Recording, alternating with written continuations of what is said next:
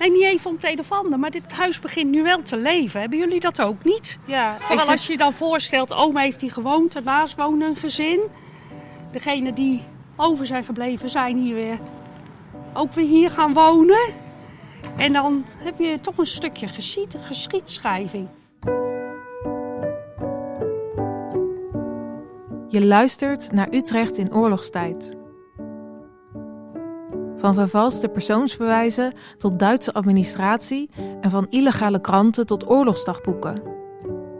Het Utrechtse archief bewaart duizenden archiefstukken uit de Tweede Wereldoorlog.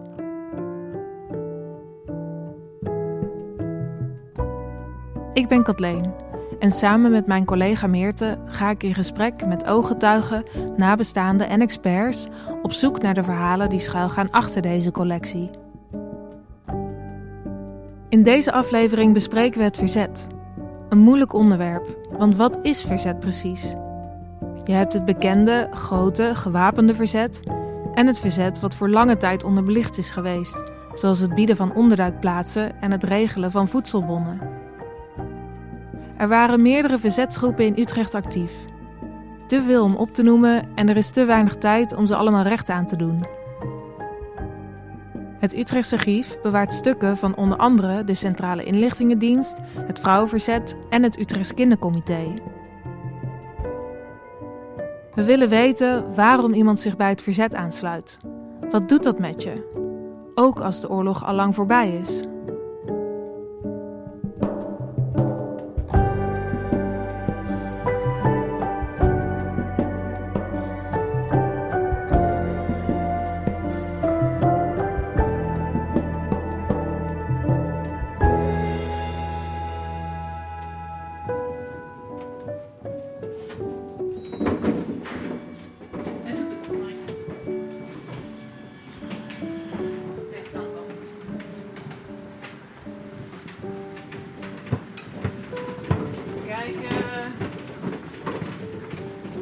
Hier zit hij.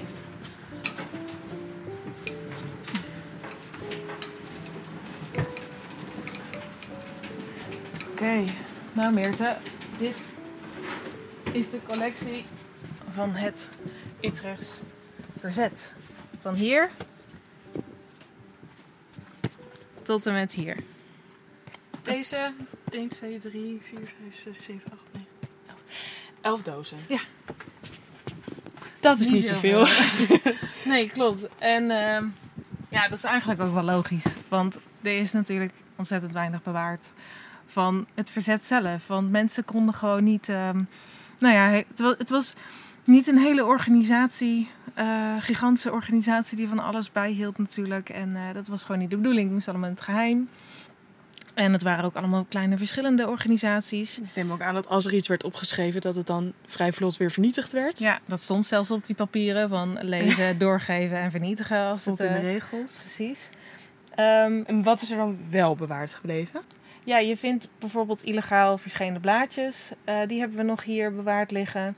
Je hebt ehm, eh, een heel bijzondere lijstje van personen voor wie gewaarschuwd werd. Dat eh, is nog bewaard Dus gebleven. dat ze echt wisten van zij gaan je verlinken aan de Duitsers, dus pas op. Precies, dit zijn gevaarlijke mensen en hou ze in de gaten. Ga hier niet mee in zee. Ehm, er is ook eh, een lijst van 20 personen ehm, ehm, afkomstig van kamp Amersfoort. Van mensen die eh, vermoord zijn, gefusilleerd zijn. Dat is nog bewaard gebleven.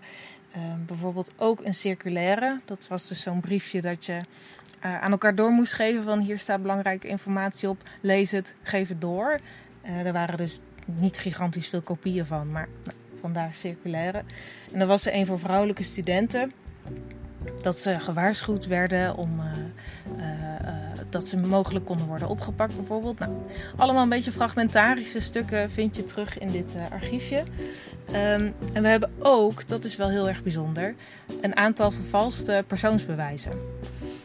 Die werden natuurlijk ook gemaakt in de oorlog. Om echt nou ja, goed verzetswerk te doen, kreeg je een, een schuilnaam. En uh, vervals persoonsbewijs die ik even aan jou wil laten zien is van Anna de Waard.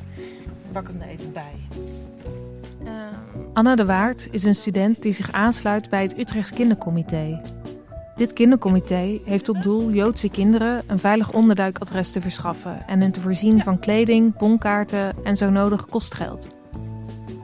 De kinderen worden in eerste instantie ondergebracht bij pleeggezinnen, maar als dat niet lukt, bij de crash Kindjeshaven in Utrecht. Even kijken hoor. Inventarisnummer 132. Ja. Dus dit is best wel ehm, bijzonder dat we wat gegevens van Anna dus zelf hebben. Want dit hele mapje gaat over Anna. Ja, precies. Een verzameling van eh, wie was Anna eh, en wat hebben we van haar overgeleverd gekregen. Ehm, en dan zien we hier bijvoorbeeld haar vervalste persoonsbewijs met vingerafdruk. Antje Duursma. Ja, dat was dus haar eh, schuilnaam. Is dit... Oh, dus ze kwam uit eh, Nederlands Oost-Indië van Ja. Surabaya. Precies. Dus je ziet hier eigenlijk gewoon een heel degelijk eh, persoonsbewijs, legitimatiebewijs met pasfotootje. Met foto. Serieuze dame. Ja, ja. En eh nou, A. Duursma staat erop. En dan staat hier als beroep kraamverzorgster. Oh ja. Ehm. Maar dat was zij helemaal niet. Zij was, zij, ze was student en ze deed een juridische opleiding. Maar haar, ja, zeg je dat dan zo, schuilberoep was kraamverzorgster. Want we hebben ook hierin een soort briefje van... ehm, even kijken, ja deze is Oh ja, het. deze. Eh, het is een, een, een briefje van een arts, ik, eh, tussen haakjes, want het is zelf bedacht. Mhm. Ehm, waarop staat, zuster Duursma, eh, kunt u mij zo spoedig mogelijk helpen als kraamvrouw? Ik heb er één nodig. En ik kan momenteel geen enkele andere kraamverzorgster krijgen. Schaarne spoedig bericht. Hoogachtend. Doktershandschrift. Een ja. handschrift dat je niet kan lezen. Ja. Precies. Maar dit is dus, er staat ook geen datum op. Dus dit briefje had zij waarschijnlijk altijd op zak als ze s'nachts of s'avonds na spertijd de deur uit moest. De spertijd is de avondklok, toch? Ja, precies. Dan mocht je gewoon niet meer zonder geldige reden de deur uit. En dit was dan dus een bewijs voor haar, eh, samen met haar legitimatiebewijs, dat zij zuster kraamverzorgster was en dus nou, met spoed nodig was. En dan kon ze dus gewoon Dus de straat op mocht. precies verzetswerkzaamheden doen. Nou ja, hier zit er nog één. Hetzelfde tekst ongeveer. Ja. Oh, wat goed. Ja, bijzonder hè. En dat hebben we dus, ehm, nou ja, echt, dit zijn echt concrete bewijzen van dat verzet en hoe doordacht dat natuurlijk allemaal was. eh, van, van vervalste persoonsbewijzen tot valse briefjes van de, van de dokter. Mijn oma, nou, mijn oma is een eh, hele dappere vrouw. Ze is ook heel erg voor recht. En dan liep ze altijd met de paraplu. Oma liep trouwens haar hele leven, wat ik weet, met de paraplu. Want als iemand haar bedreigd of wat dan ook, dan stak ze. Dan zou ze die mensen wel eventjes... eh, We spreken Mirjam Huizen. Ze is een echte Utrechtse, opgegroeid in Zuilen. Een tijdje geleden heeft Mirjam het archief zelf benaderd. Ze vond documenten die vertelden over het verzetswerk van haar oma. We vragen Mirjam hoe zij zich haar oma, Cornelia de Wilde, herinnert. Ja, mijn oma was gewoon helemaal niet bang, nergens voor. En in de winkels was het altijd, eh, als ze bijvoorbeeld eh, vleeswaren kocht, dan mocht er nooit een stukje plastic tussen, want dat scheelde een gram. En dat mocht niet gebeuren. En dan 's middags, dan gingen we open ophalen, die kwam met tram nummer 1, een bolhoedje op, had ook altijd een stok bij zich.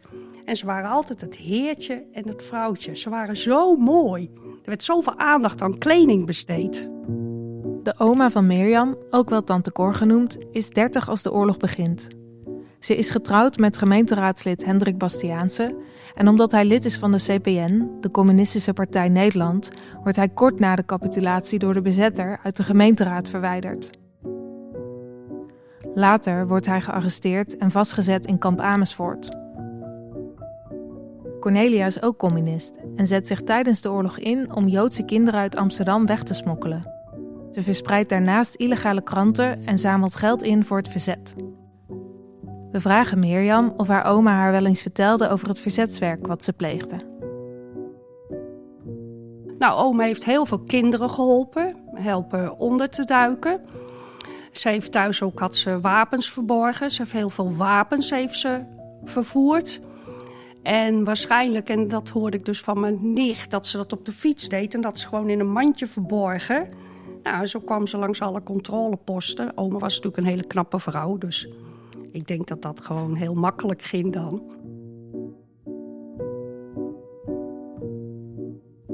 Om te begrijpen hoe het verzet precies tot stand is gekomen, hebben Meerte en ik Jessica van Geel uitgenodigd. Jessica schreef een boek over verzetsvrouw Truus van Lier. Een bijzondere vrouw met bijzonder veel lef voor iemand van 22. Voor Truus groeien er in de lente narcissen in haar naam op de Katerijnensingel. En in 2022 is er ook een standbeeld voor haar opgericht. Truus was student rechten en deed veel illegaal werk, zoals het rondbrengen van illegale kranten en wapens, maar ook spionagewerk bij de Duitse Wehrmacht in Amersfoort. Haar bekendste daad is de moord op hoofdcommissaris van de politie Gerardus Kerle. Om het leven van Truus te reconstrueren, heeft Jessica onderzoek gedaan naar haar leven en naar het verzet in het algemeen.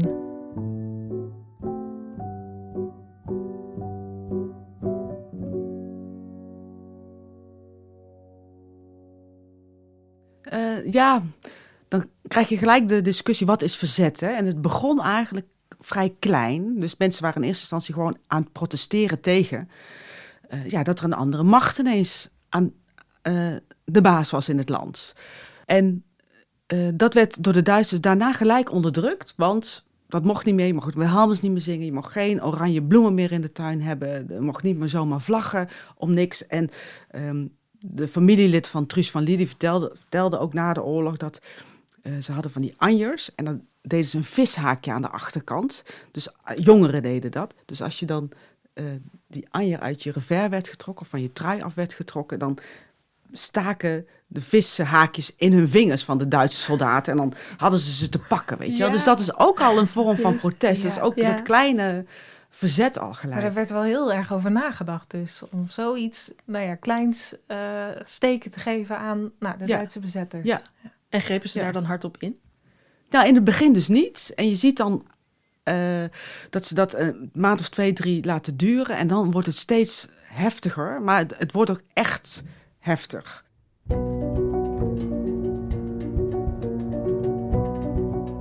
Truus sluit zich aan bij de linkse verzetsgroep CS6 uit Amsterdam, opgericht door de broers Boissevin.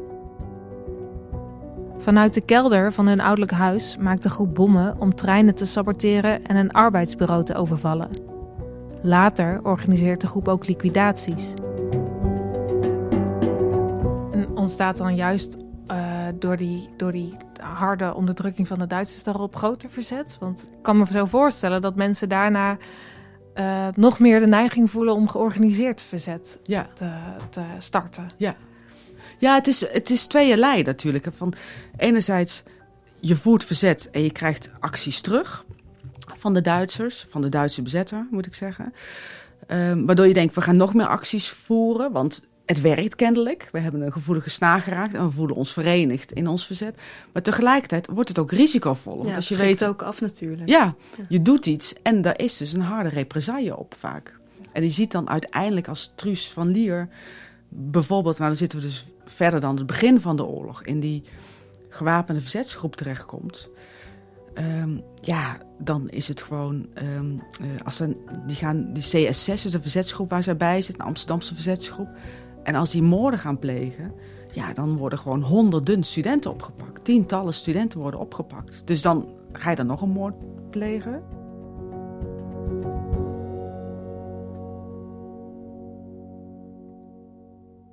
En je vertelt nu over uh, de groep uh, uh, CS6.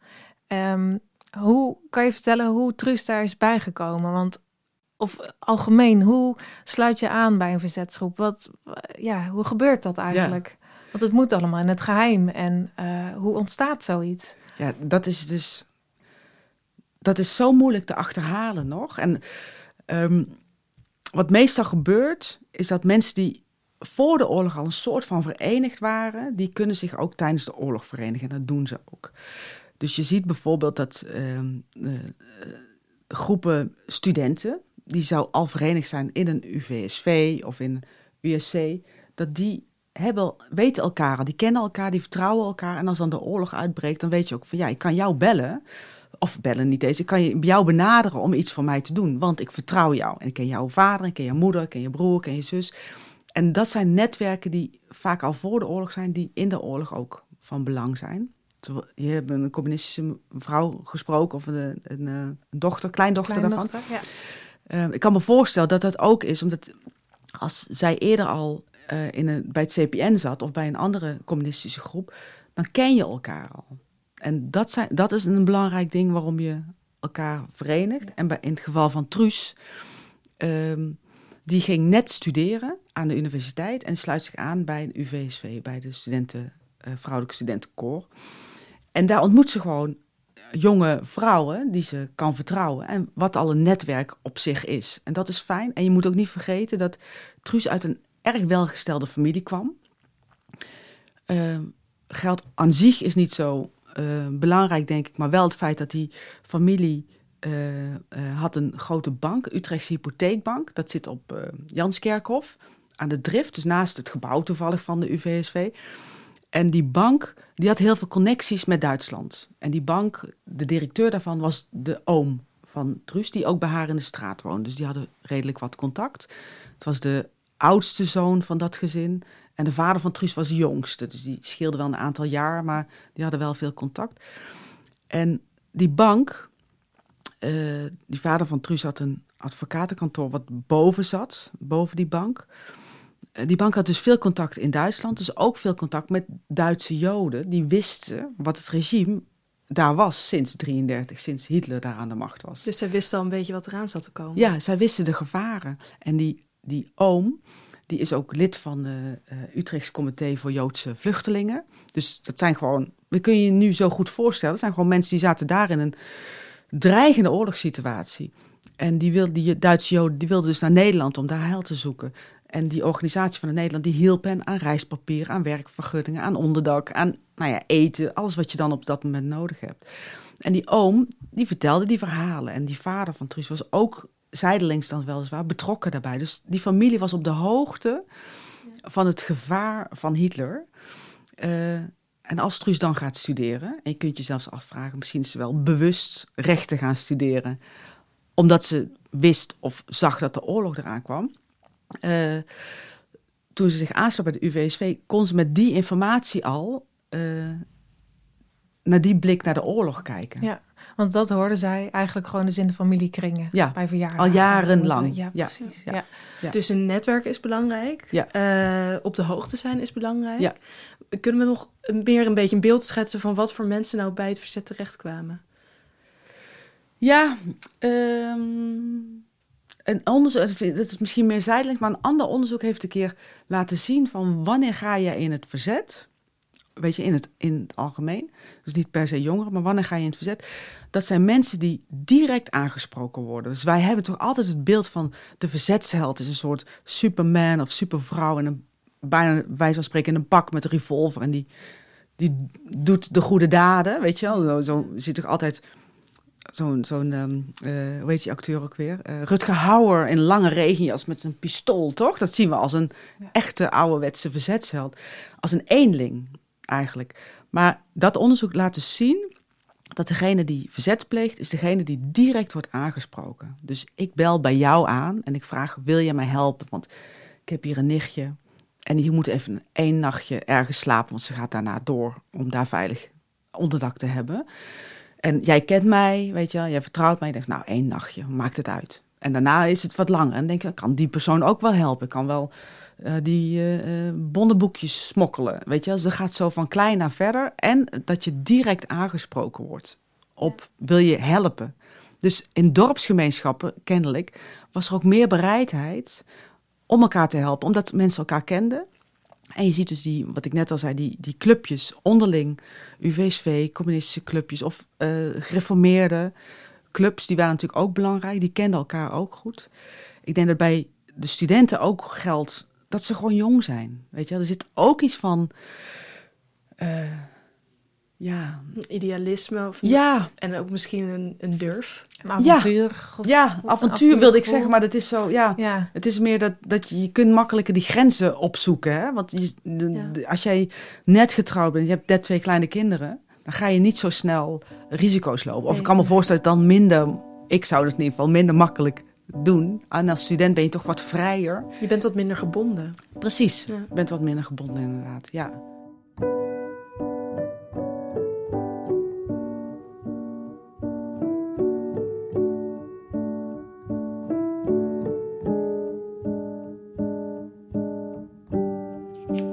en eh, iets wat ik nog wil laten zien zijn ehm, richtlijnen. Het waren richtlijnen van hoe je als een goed verzetspersoon, eh, ehm, ehm, nou ja, wa- waar je aan moest voldoen als je een goed verzetspersoon was. Dus die Mhm. pak ik er ook even bij.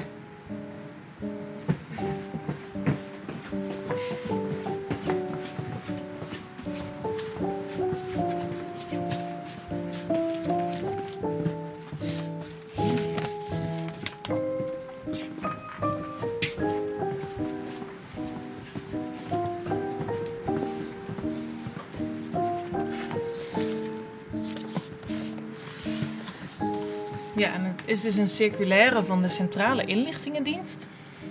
En de Centrale Inlichtingendienst is eigenlijk de koepelorganisatie van het verzet. Toch? Of- Ja, dat was wel een van de grotere organisaties inderdaad. Ehm, ja, kijk. Mooi oud geel papier. Oh ja, met de typemachine getypt.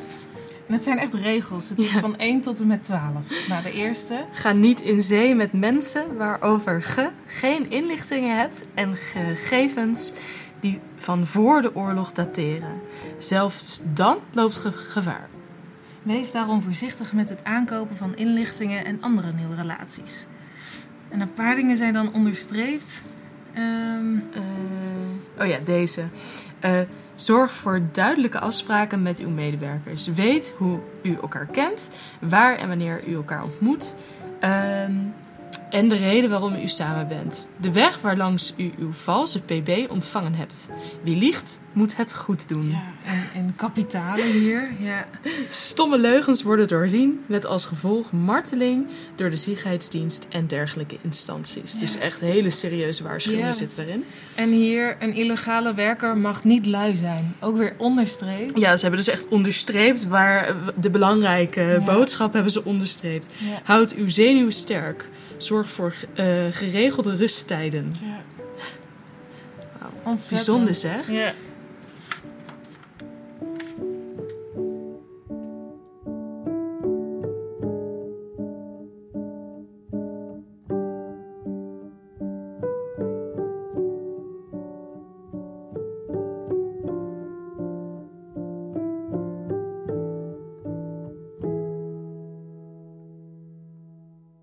De oma van Mirjam, Cornelia, helpt met het smokkelen van Joodse kinderen. Het kan bijna niet anders dan dat ze contact heeft met het Utrechtse kindercomité, maar hier is geen bewijs van. Het is in ieder geval duidelijk dat Cornelia een goed netwerk heeft vanwege haar betrokkenheid bij de Communistische Partij. Eh, haar broer die eh, hielp ook mee. En jullie vroegen toen eh, naar die Utrechtse studentenvereniging, want ze hebben in dezelfde straat gewoond. Ja.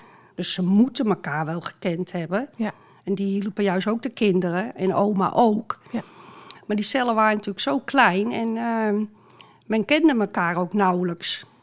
In het Was ook leven, eigenlijk- voor veiligheid. Ja, precies. Was de bedoeling dat ze echt niks van elkaar Ja. wisten, om als ze dan werden opgepakt ook niks konden vertellen. Ja. Ja, dus dat lijkt mij een hele erg spannende tijd ook inderdaad. Nou, ze was gewoon nergens bang voor. Ze was heel moedig en eh, heel dapper. En, eh, maar ik heb er ook nooit gekend als iemand die bang was. Ze ging overal op af.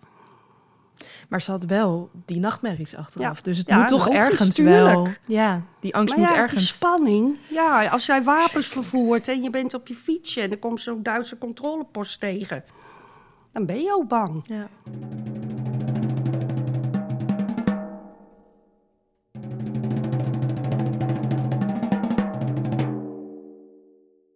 Over het verzet wordt nog wel eens romantisch gedaan. Degenen met de wapens in handen zijn de onverschrokken helden. Maar er moet ook een andere kant van dit verhaal zijn.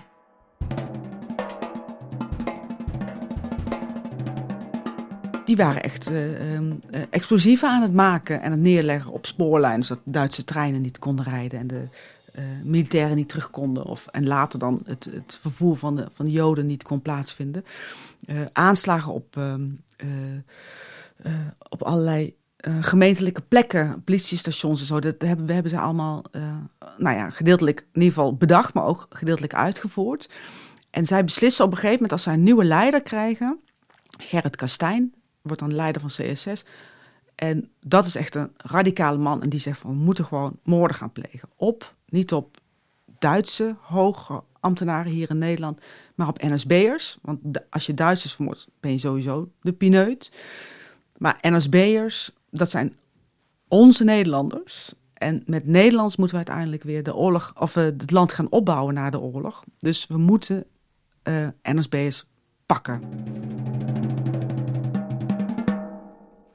Die CS6 die gaat liquidaties uitvoeren, wat ontzettend heftig is. Hè? Uh, uh, iemand doodschieten is in de oorlog niet ineens makkelijk uh, actie. Dus dat is ook echt een kwestie van heel veel over nadenken, praten. Het doet echt iets met je geweten. En je ziet ook dat een, een paar, ik weet in ieder geval van één jongen zeker, van Louis Boissevin, met wie zij veel samenwerkt. En nog een, nog een Jan Verleun, een andere jongen uit die groep die hebben er serieus moeite mee gehad. Na hun eerste aanslag, dat ze echt niet de volgende aanslag konden doen. En die CSS die uh, hadden ook loting. Het was niet zo van, wil jij uh, even een politiecommissaris omleggen? Nee, dat was loodjes trekken. En dan was je de pineut of niet. En dan, dan deed je dat. Want dat werd dan door de groep en door toeval gevraagd.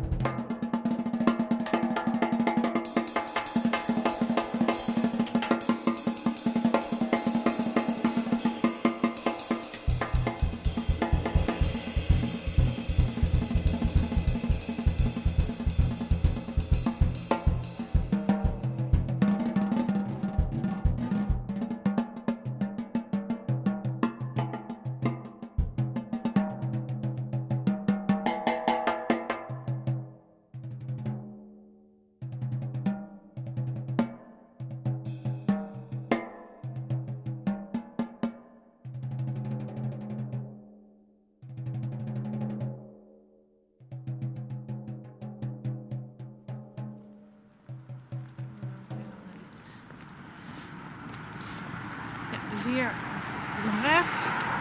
En dan is het zo meteen daar op het ja. hoekje, denk ik. Mirjams oma woont tijdens de oorlog op de Ingehousstraat 65 in Tuindorp. Omdat dat maar 10 minuten wandelen is van het Utrechts archief, lopen we met z'n drieën naartoe. Even kijken, als we hier nou links gaan, dan is het dit. Oh ja. Deze op de hoek. Ja, 65. De Ingenhousstraat. Best een groot huis. Zo. Ja. Had ik eigenlijk ook kleiner voorgesteld. Wat een groot huis, hè? Ja. En daar woonden ze dan eigenlijk, denk ik, dus ja. best wel lang in de eentje in, tijdens de oorlog. Zo. Omdat haar man ja. was opgepakt. Ja, klopt. Met de wapens onder. En toen is ze verhuisd naar de bootstraat. De informatie die we over Mirjams oma hebben, komt uit de brief die Cornelia zelf schreef naar de stichting 4045. Een organisatie die financiële hulp biedt aan slachtoffers en verzetsdeelnemers van de Tweede Wereldoorlog. Daaruit blijkt dat het werk dat ze in de oorlog heeft gedaan haar haar hele leven heeft achterna gezeten. In zoverre dat ze meerdere pogingen heeft gedaan uit het leven te stappen. Wat betreft de lichamelijke gesteldheid van oma, kan zij het volgende mededelen. Kort na de oorlog in 46 uh, ben ik van mijn man gescheiden.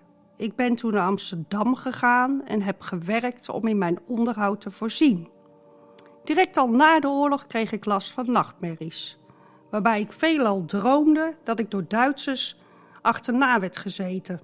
Vaak werd ik schreeuwend wakker, badend in het zweet. En de dag erop was ik echt niet in staat om ook maar iets te doen. Ik wist niet dat ik hier zo nerveus van kon worden, zeg. Ja. Wat erg, hè? Het is weer voorbij. Zo. We zijn er doorheen. Nee, maar dat je van zoiets nerveus kan worden. Mhm. Dat verbaast me. Want je kent dit wel. Hm? Je kent dit stuk wel. Ja, ik heb hier heb ik ook gezegd dat eh, eh, geluiden van marcherende soldaten. Ik weet dat eh Trui van Leer, dus de vrouw die kindjeshaven had, dus nichtje, of een grote nicht van, eh, van Truus, dat, die heeft de oorlog wel overleefd. En ehm, zij had ehm, in, haar, in haar crash natuurlijk ruimte voor een beperkt aantal kinderen. Maar als heel veel eh, Joden op een gegeven moment worden, op transport worden gesteld, in halverwege 1943, loopt heel die crash vol natuurlijk. En zij zegt natuurlijk niet nee als precies aantal kamertjes of precies aantal bedjes vol zit. Dus haar crash op een gegeven moment veel te vol met kinderen. En na de oorlog heeft ze nog jarenlang, vertelde ze in een interview, nachtmerries gehad dat ze één kindje was vergeten. Een kindje wat boven op de kast zou liggen in een mandje. En ze was vergeten dat kindje, nou ja, eten en aandacht te geven. Dus dat kindje in haar dromen of in haar nachtmerries was dan helemaal eh, uitgedroogd. En op het moment dat ze dan Ja. in dat mandje keek, schrok ze altijd wakker. En ik, er zijn televisiebeelden van. Ze heeft een document, mooie documentaire over haar gemaakt. En dan zie je nog steeds de schrik in haar ogen als ze erover vertelt. En dan kun je je helemaal voorstellen hoe traumatisch eh, dat is geweest. Is dat van andere eh, verzetspersonen ook bekend nog? Of weten we daar? Nou ja, ja. Nou, je, je kent de verhalen, maar dan ga ik in algemeniteiten praten. Maar je kent de verhalen van dat er na de oorlog gewoon nooit meer over gesproken werd. Weet je wel? Dat heeft ook natuurlijk niet alleen te maken met beschermen van de nieuwe generatie. Maar het is ook, ja, wat de mensen hebben meegemaakt. Het is toch verschrikkelijk. Al zat je niet in het verzet, maar zag je gewoon altijd die spanning. En zag je misschien een keer een, een lijk liggen. Dat is toch ook al heel erg eh, heftig.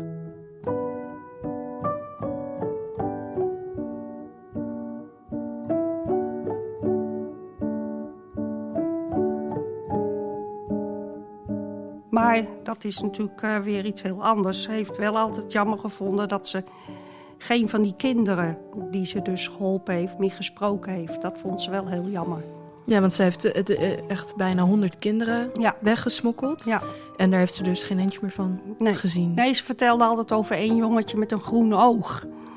En ze zegt dat jongetje had zo'n speciaal oog. Die had een groen oog en een andere kleur. Dus dat viel heel erg op. Ze zegt dat jongetje had ik nou zo graag nog eens een keer willen zien. Of het goed met hem gekomen was. Ja, dat kan natuurlijk niet. Ik weet niet of het niet kan, maar het is niet gebeurd.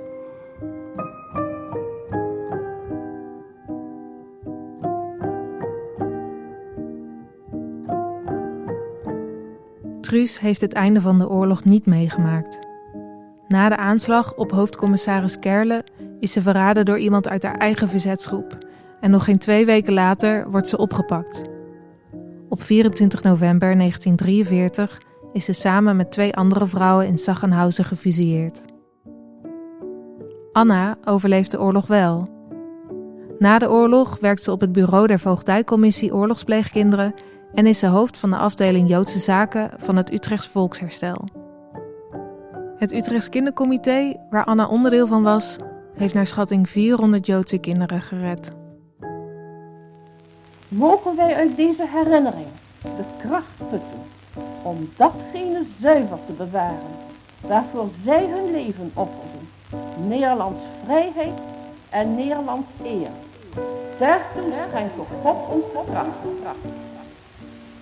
Bedankt dat je hebt geluisterd naar Utrecht in oorlogstijd. In deze podcast gaan we op zoek naar de verhalen achter de collectie van het Utrechts Archief. In de volgende aflevering hoor je meer over de politie in oorlogstijd.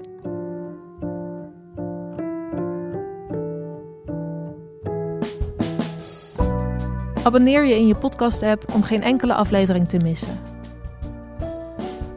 Aan de hand van de bronnen in ons archief zijn er nog veel meer verhalen te vertellen. Wil je zelf aan de slag?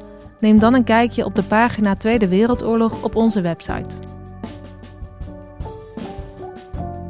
Utrecht in oorlogstijd is een podcast van het Utrechts Archief en is mede mogelijk gemaakt door het Mondriaan Fonds. De podcast wordt gemaakt door Meerte van Niekerk en Kathleen Verdult. Montage en muziek worden gedaan door Martijn Smit. Met dank aan Mirjam Huizen en Jessica van Geel voor het delen van hun herinneringen en kennis. In het bijzonder bedanken we Ad van Liemt en onze collega's achter de schermen voor hun ondersteuning en advies. Muziek is opgenomen in Tremor Studio in Hilversum met Ab Verhoeven en Daan Kandelaars.